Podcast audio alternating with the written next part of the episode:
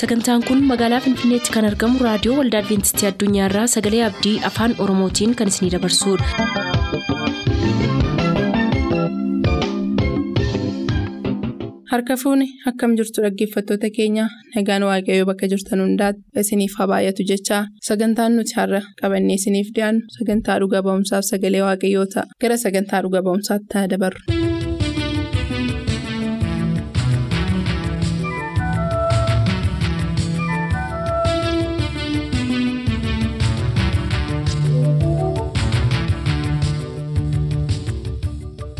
Nagaan Waaqayyoo isiniif haa baay'atu kun sagantaa dhuga ba'umsaati. Sagantaa darbe keessatti Luqaas Quufaa muuxannoo waamicha Waaqayyoo waliin qabu nuuf qoodaa tureera. Har'as kutaa dhuga ba'umsa isaa kana hogbarruudhaan nuuf goolabuuf isa waliin dhiyaannee jirra. Isinis qophii keenya dhumaa kanatti dhiyaadhaa ittiin eebbifama. Kan itti walitti qabnu ati kennaa walalootiin tajaajilaa jirtaa kennaawwan adda addaatiin tajaajilaa jirtaa akkan argutti walaloo kan biraallee waa of harkaa qabduu fi mee isaan nagaa nutti dhaamiiti waan dhumaa immoo dhaamsa dhumaa hin hambifadhu waan jettu isa booda carraa tokkoon sii kenna amma walaloo keetti darbina walumaan. Walaloon kunis mata dureen isaa samii jedha. Bulee ka'een dharra'aa abjuu koo yeroo hundumaa jaalalli ansiif qabu na keessaa hin qabu dhumaa biyya boqonnaa gaarii biyya dhiphinni hin jirre biyya keessatti argamu gammachuuf eebbimirree biyya muka jireennaa ciranii irraa nyaatanii biyya qeerransaa fi hoolaan wal keessa jiraatanii biyya sanyiin namootaa qomoodhaan waliin irre biyya nageenya sirriif biyya yaaddoon hin jirre yaadachiisuuf malee waan biyyichatti ta'u gammachuu biyya samii sammuun ibsuu hin danda'u. Yaadachiisuuf malee waan biyyichaatti ta'u gammachuu biyya samii sammuun ibsuu hin danda'u. Biyya samii keessatti wal ceephaa'uun hin jiru. Hunduu onnee dhugaatiin jaalala waliif hiru dhiiga dhangalaasuun raawwatee achi hin jiru. Kunuunsee eega malee namni biqilaa hin ciru. Wicii qabachuuf jedhee cululleen faana hin kaatu. Leenciif sangaan gaafasii qooda tokkotti nyaatu. Biqiltuun caamsaan gogee deebi'ee lata jiidhee. Toora isaatti deebi'aa uumamni cubbuun miidhee. Garuu akkasumatti biyya samii hin dhaqanii utuu hin ciniinsifatin hawwan ilmoon dahanii. Warri mandara nagahaa ijaan arguu fedhanii dhugaa hin gurguratanii buqqee lafaaf jedhanii warri mandara nagaa ijaan arguu fedhanii dhugaa hin gurguratanii buqqee lafaaf jedhanii. Arraba isaanii gubbaa burqaan hadhaan hin yaa'u harki isaanii raawwatee kiyyoo namaaf hin kaa'u.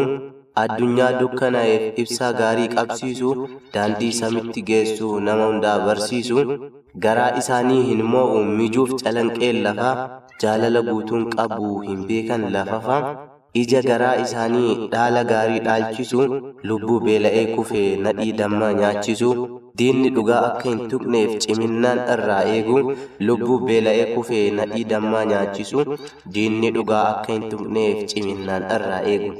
Barbaachisoo yoo ta'es lubbuu isaanii wareegu galmee gurraacharratti maqaan isaanii hin caafamu amantiin isaan qabanii qilleensaan hin raafamu dhiifama dhugaa godhuuf kan mirga isaanii sarbuuf rakkoof gadadoo lafaa obsanii keessa darbu lubbuu itti dukkanaa'eef jedhanii boo'u wayyoo isaan qofatu eegaa abboomii ilma waaqayyoo du'arratti aboo qabaa mootiin isaan geggeessu arrabni isaanii takka maqaa namaan hadheessu waaqayyoof abboomamuuf uf keessaa hin qaban mamii isaan akkasiittu dhaalaa midhaagduu biyya samii waaqayyoof abboomamuuf of keessaa hin qaban mamii isaan akkasiittu dhaalaa midhaagduu biyya samii.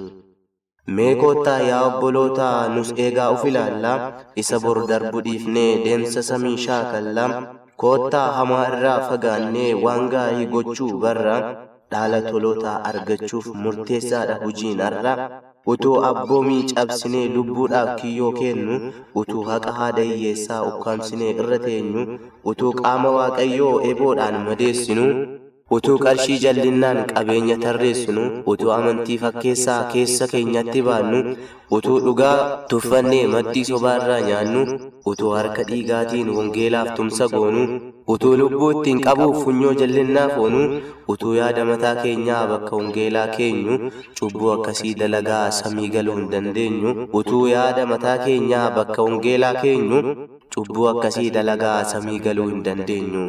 Lakkisaa koottaa hin dhiifnaa dhangaan jallinnaa hin ta'u jireenyi biyya lafaa kan darbe nu haa ga'u. Fuuldura isaa kan jiru baay'een hin arguu boolla koottaa yaa firoota koo badiisa jalaa oolla. Nama dhageeffateef qilleensi yaaddoo odeessa nagaan mugeera feeraa addunyaa keenna kana keessa. Waan jiini caamuu gaheef ciniinsuun jalqabeera baalli harbuu waan kuqqooqeef bonni dhufuu gaheera waan jiini caamuu gaheef ciniinsuun jalqabeera baalli harbuu waan kuqqooqeef bonni dhufuu gaheera. Dacheen gaafii hamaadhaan sammuu dhalootaa jirti. Addunyaan kun maal da'uuf ciniinsifataa jirti. Namni ammuma wal argee amma wal dhabaa jira. Jibbi hundee waan godhateef jaalalli qufaa jira. Dhibeen lakkoofsa hin qabne bakka hundatti faca'ee. Lubbuun ilmaan namootaas akka baalaa harca'ee. Xaafii qotan haammachuun kunoo itti fuufeera. Gadi bahan ol galuun yaaddoo ta'aa dhufaara. Fuuldurri addunyaa kanaa maaliif ta'ee dukkana gadi bahan ol galuun yaaddoo ta'aa dhufeera fuuldurri addunyaa kanaa maaliif ta'ee dukkana qorratu hammaatee laataa hundumatu dhaamota inni kaan mana ijaaraa inni kaan immoo hin diigaa? Inni kaan irraan olee inni kaan dalga fiigaa? Kaanii hin hamuummataa kaanii in immoo hin hiixata? Kaanii obseetuma taa'a kaanii immoo hin miixata? Namoonni dhabaniiru lafa itti galan kooluu silaa inni raajiin dubbatee fi hamba'uunsaan oolu addunyaan gaddaa jirti mataa ishee gadi qabde utuu ani jira jettu iddoo isheetii uf dhabde afaan nama baay'eetiin yaaddotu gabaafame gahee haamamaa jira jallinni facaafame. Afaan nama baay'eetiin yaaddotu gabaafame gahee haamamaa jira jallinni facaafame. Dhalli namaa mormeeraa jaalala obbolummaa ardii guutuu weeraree hafuurri halaalummaa onneen nama baay'ee uftuulummaa simateera. Jallinni bara soodoom arras dachee dhaaleera. Abbaaf ilmi wal jibbee waliisaa himateera. Sochiif sigigii lafaa lubbuu baay'ee fixeera. Baay'een faashiniif jecha dinqa seexanaa ta'u. Ijaan ilaalaa jirraa dhaloota qullaa yaa'u baay'een faashiniif jecha dinqa seexanaa ta'u ijaan ilaalaa jirraa dhaloota qullaa yaa'u. seera jannata keessaa namni in irraanfate saala wal fakkaatutu gaa'ela geggeeffate masiyoonni sobaanis baay'ee biqilee ka'e wangeelli gooftaa keenyaas daldala guddaa ta'e jallinna dhagahamaa bakkuma hundumatti imaltoota samiitiif kun taatee xumuraati mee hundumtuu dafaatii hirriba keessaa dammaqaa nama qophaa'e qofatu ulfinnaan samii dhaqa mee hundumtuu dafaatii hirriba keessaa dammaqaa. Nama qophaa'e qofatu ulfinnaan samii dhaqa addunyaan keenya kun raawwatee rakkoo hin dhabu. Biyyi samayii garuu gaddaddoo tokko hin qabu. Lubbuun biyyicha argatee gammachuudhaan jiraata ija muka jireenyaa ciratee irraa nyaata duutiif dhibeen tokkollee achi keessa hin seenu garuu nu meeqa laata biyya akkasii kan feenu biyya waaqarraa sana biyyi dorgomu kamii dhugaa dubbachuuf taanaa maaltu fakkaata samii biyya waaqarraa sana biyyi dorgomu kamii dhugaa dubbachuuf taanaan maaltu fakkaata samii. Galatoomii Luqaas Waaqayyo si haa eebbisu walaloo ajaa'ibaati. Ergaa yeroo dhumaa kana keessatti namoonni beekuu qaban dhugaadhumatti yeroo nuyi keessa jirru yeroo cufiinsa seenaa addunyaa ta'uusaa kan nutti himu walaloo ajaa'ibaa nuuf walalteef hedduu ulfaadhu. Sagantaa keenyaarraaf hin goolabnaa garuu isa dura hin hambisu kanan dhaamsaaf dhaggeeffatoota sagalee abdiitiif ka jettu jiraate carraa tokkoon sii kenna itti walitti nuu qabi. Ishii waa baay'ee kaafnee dubbannee jirra waaqayyo waa ulfaatu carraa kanas argadhe akkanatti ragaa ba'umsa kana dhiyeessuu kootiif sillee waaqayyo si haa eebbisu isa kana irratti na hirmaachisuu keetiif guddaa si galateeffadha. Akkuma dura jedhaatiin turre waaqayyo akka namaatii miti kaayyoo qaba akka namaa hin jajjaru. Akkasuma immoo waaqayyo turus gaarummaadhaaf jireenya keenya keessatti wanti inni nuuf godhu nuti amantii warri hin qabnes mee gara laafinnumaan gara isaatti haa dhiyaannu sodaa namootaa dhiifnee. Miira keenya caqasnee waan onneen keenya nuun jedhu haa murteeffannu akkasuma immoo warroonni gara dhugaa kanaa dhufnee jirrus hennaan keessa jirru hennaa baay'ee hamaaf hennaa raajiin gooftaan kiristoos dubbate hundi raawwatu hennaa jaalalli obbolummaa biyya lafaa kanarraa dhabamu hennaa qorumsi garaagaraa amantoota irrattis baay'atu hennaa waldaa waaqayyoo kanarratti seexanni duruu waldaa waaqayyoo lafarraa qabuuf rafee hin beeku. Garuu kan durii caalaa akkuma kitaaba mul'ataa keessatti dubbatu yeroon akka ga'e waan beekuuf cimee hojjeta kan jedhu argina.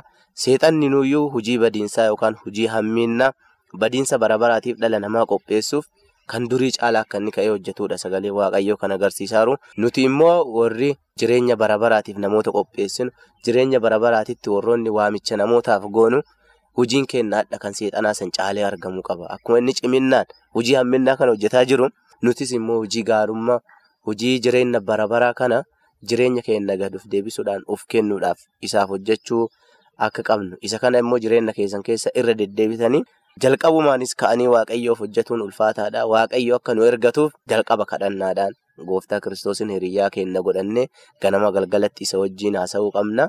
Kanuma keessatti immoo bu'aa bahii biyya lafaa kana keessatti waaqayyoof tajaajiluunis baay'ee ulfaataadha seexannis warroota kiristoosiif tajaajilan hin fedhu kana yoo jedhu immoo akka isaan kiristoosiif tajaajilanidha kan inni hin feene kanaaf siiboo seexanni qopheessu hundumaa keessa darbaati kiristoosiif dhugaa ba'a.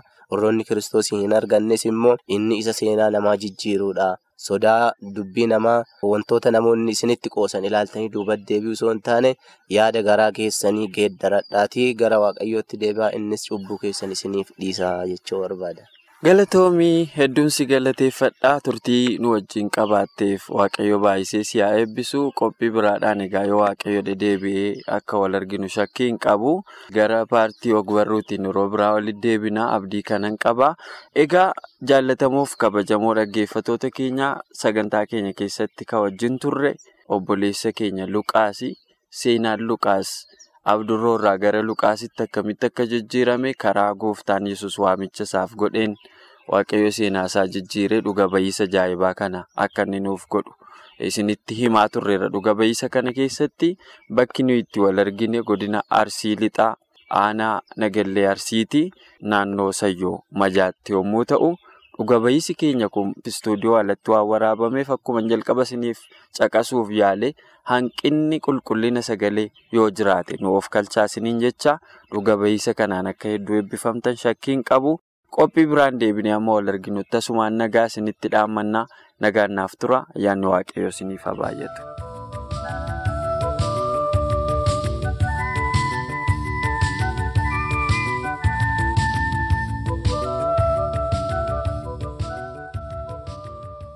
Turtanii raadiyoo keessan kan banattan kun raadiyoo adventistii addunyaa sagalee abdiiti.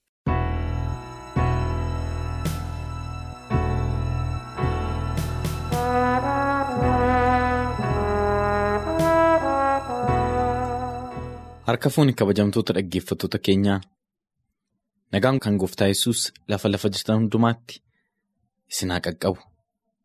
Dhaggeeffattoota yeroo kana dubbii waaqayyoo kan wajjin ilaallu mata dureen isaa kan jedhu xalayaa gaddaa kee waaqayyotti dhiyeeffadhuedha.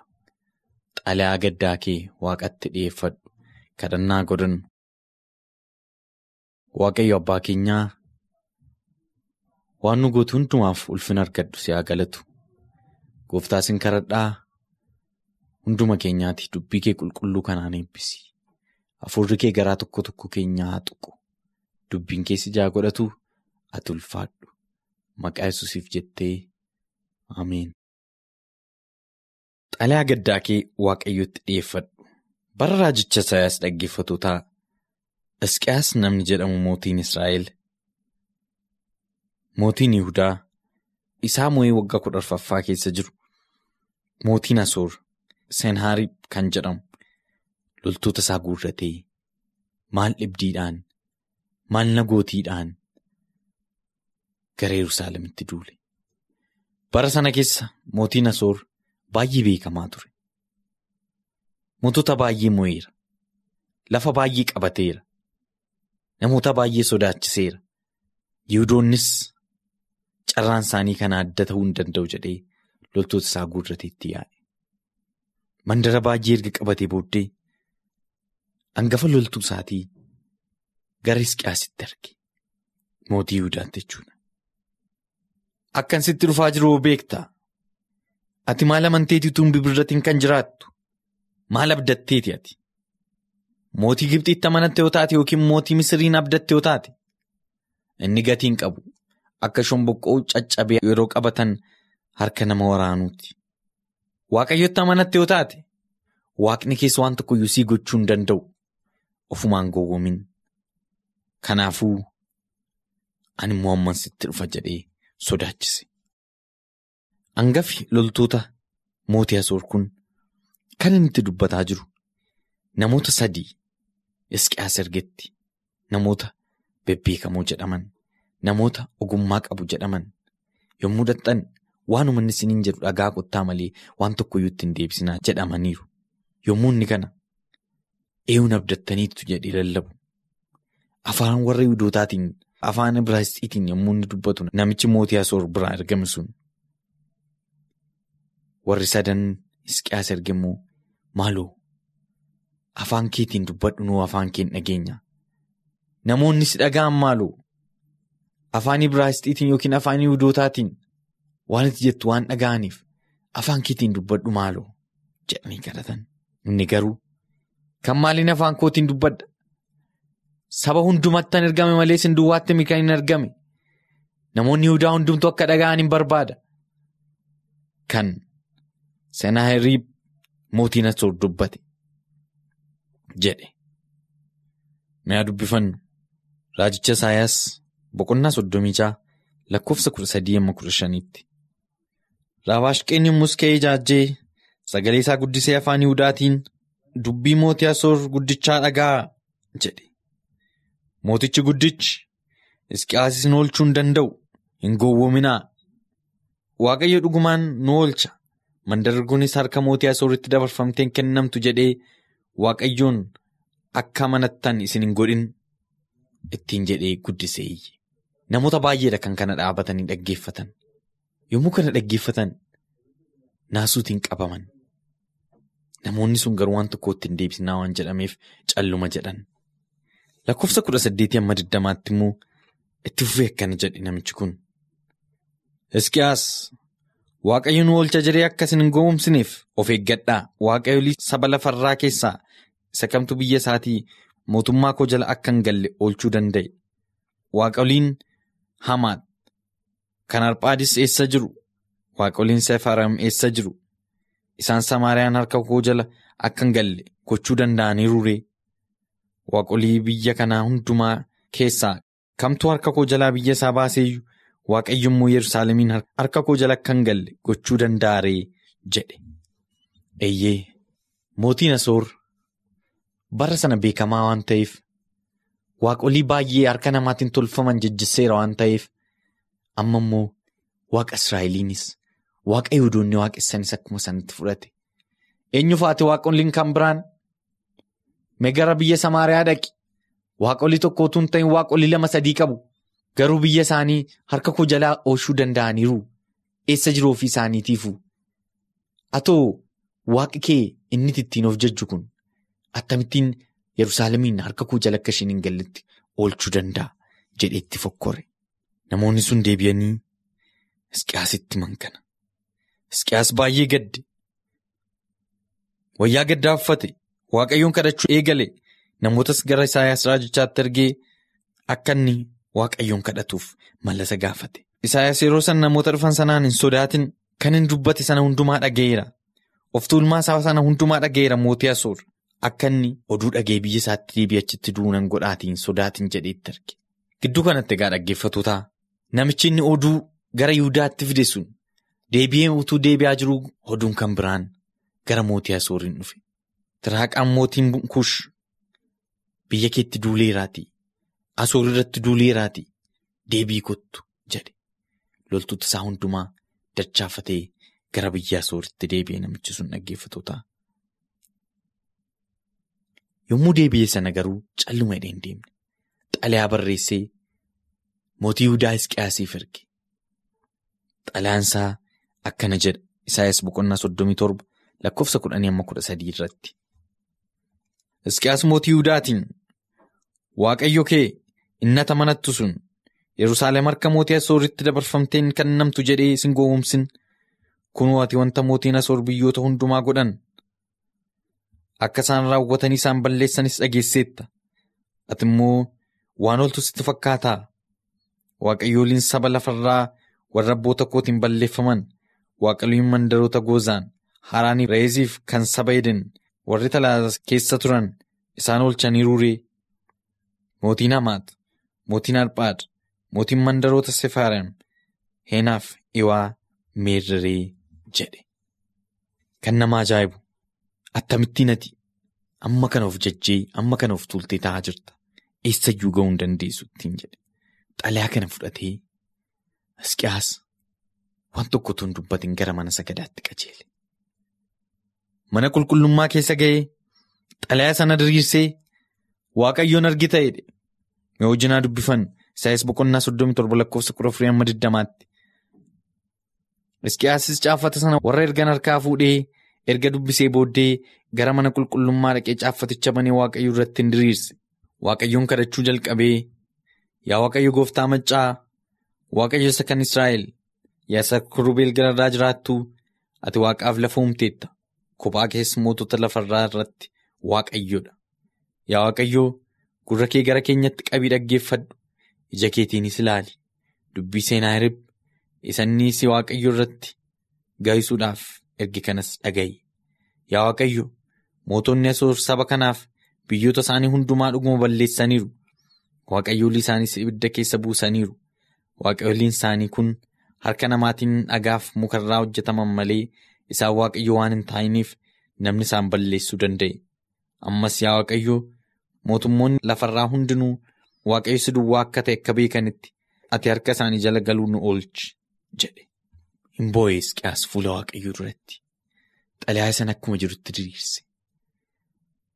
Waaqoliin kukkufaa turan sun warri mootonni asoor ibidda keessa bubuusaa turan sun harka namaatiin waan hojjetamaniif ati immoo waaqa dhugaa akka taate ati immoo hundumaa kan dandeessu akka taate ati immoo mo'aa akka taate sabni sun akka beekaniif alana dinqiin hojjedhu jedhe.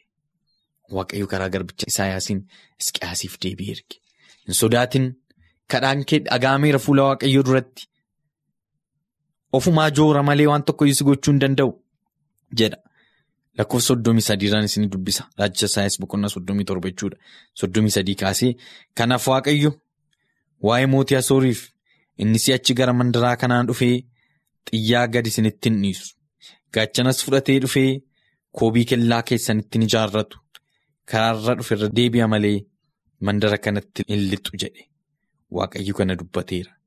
Waa'ee mandaraatiif immoo an ofii kootiif garbicha koo daawwitiifis jedhee mandara kana nan eega.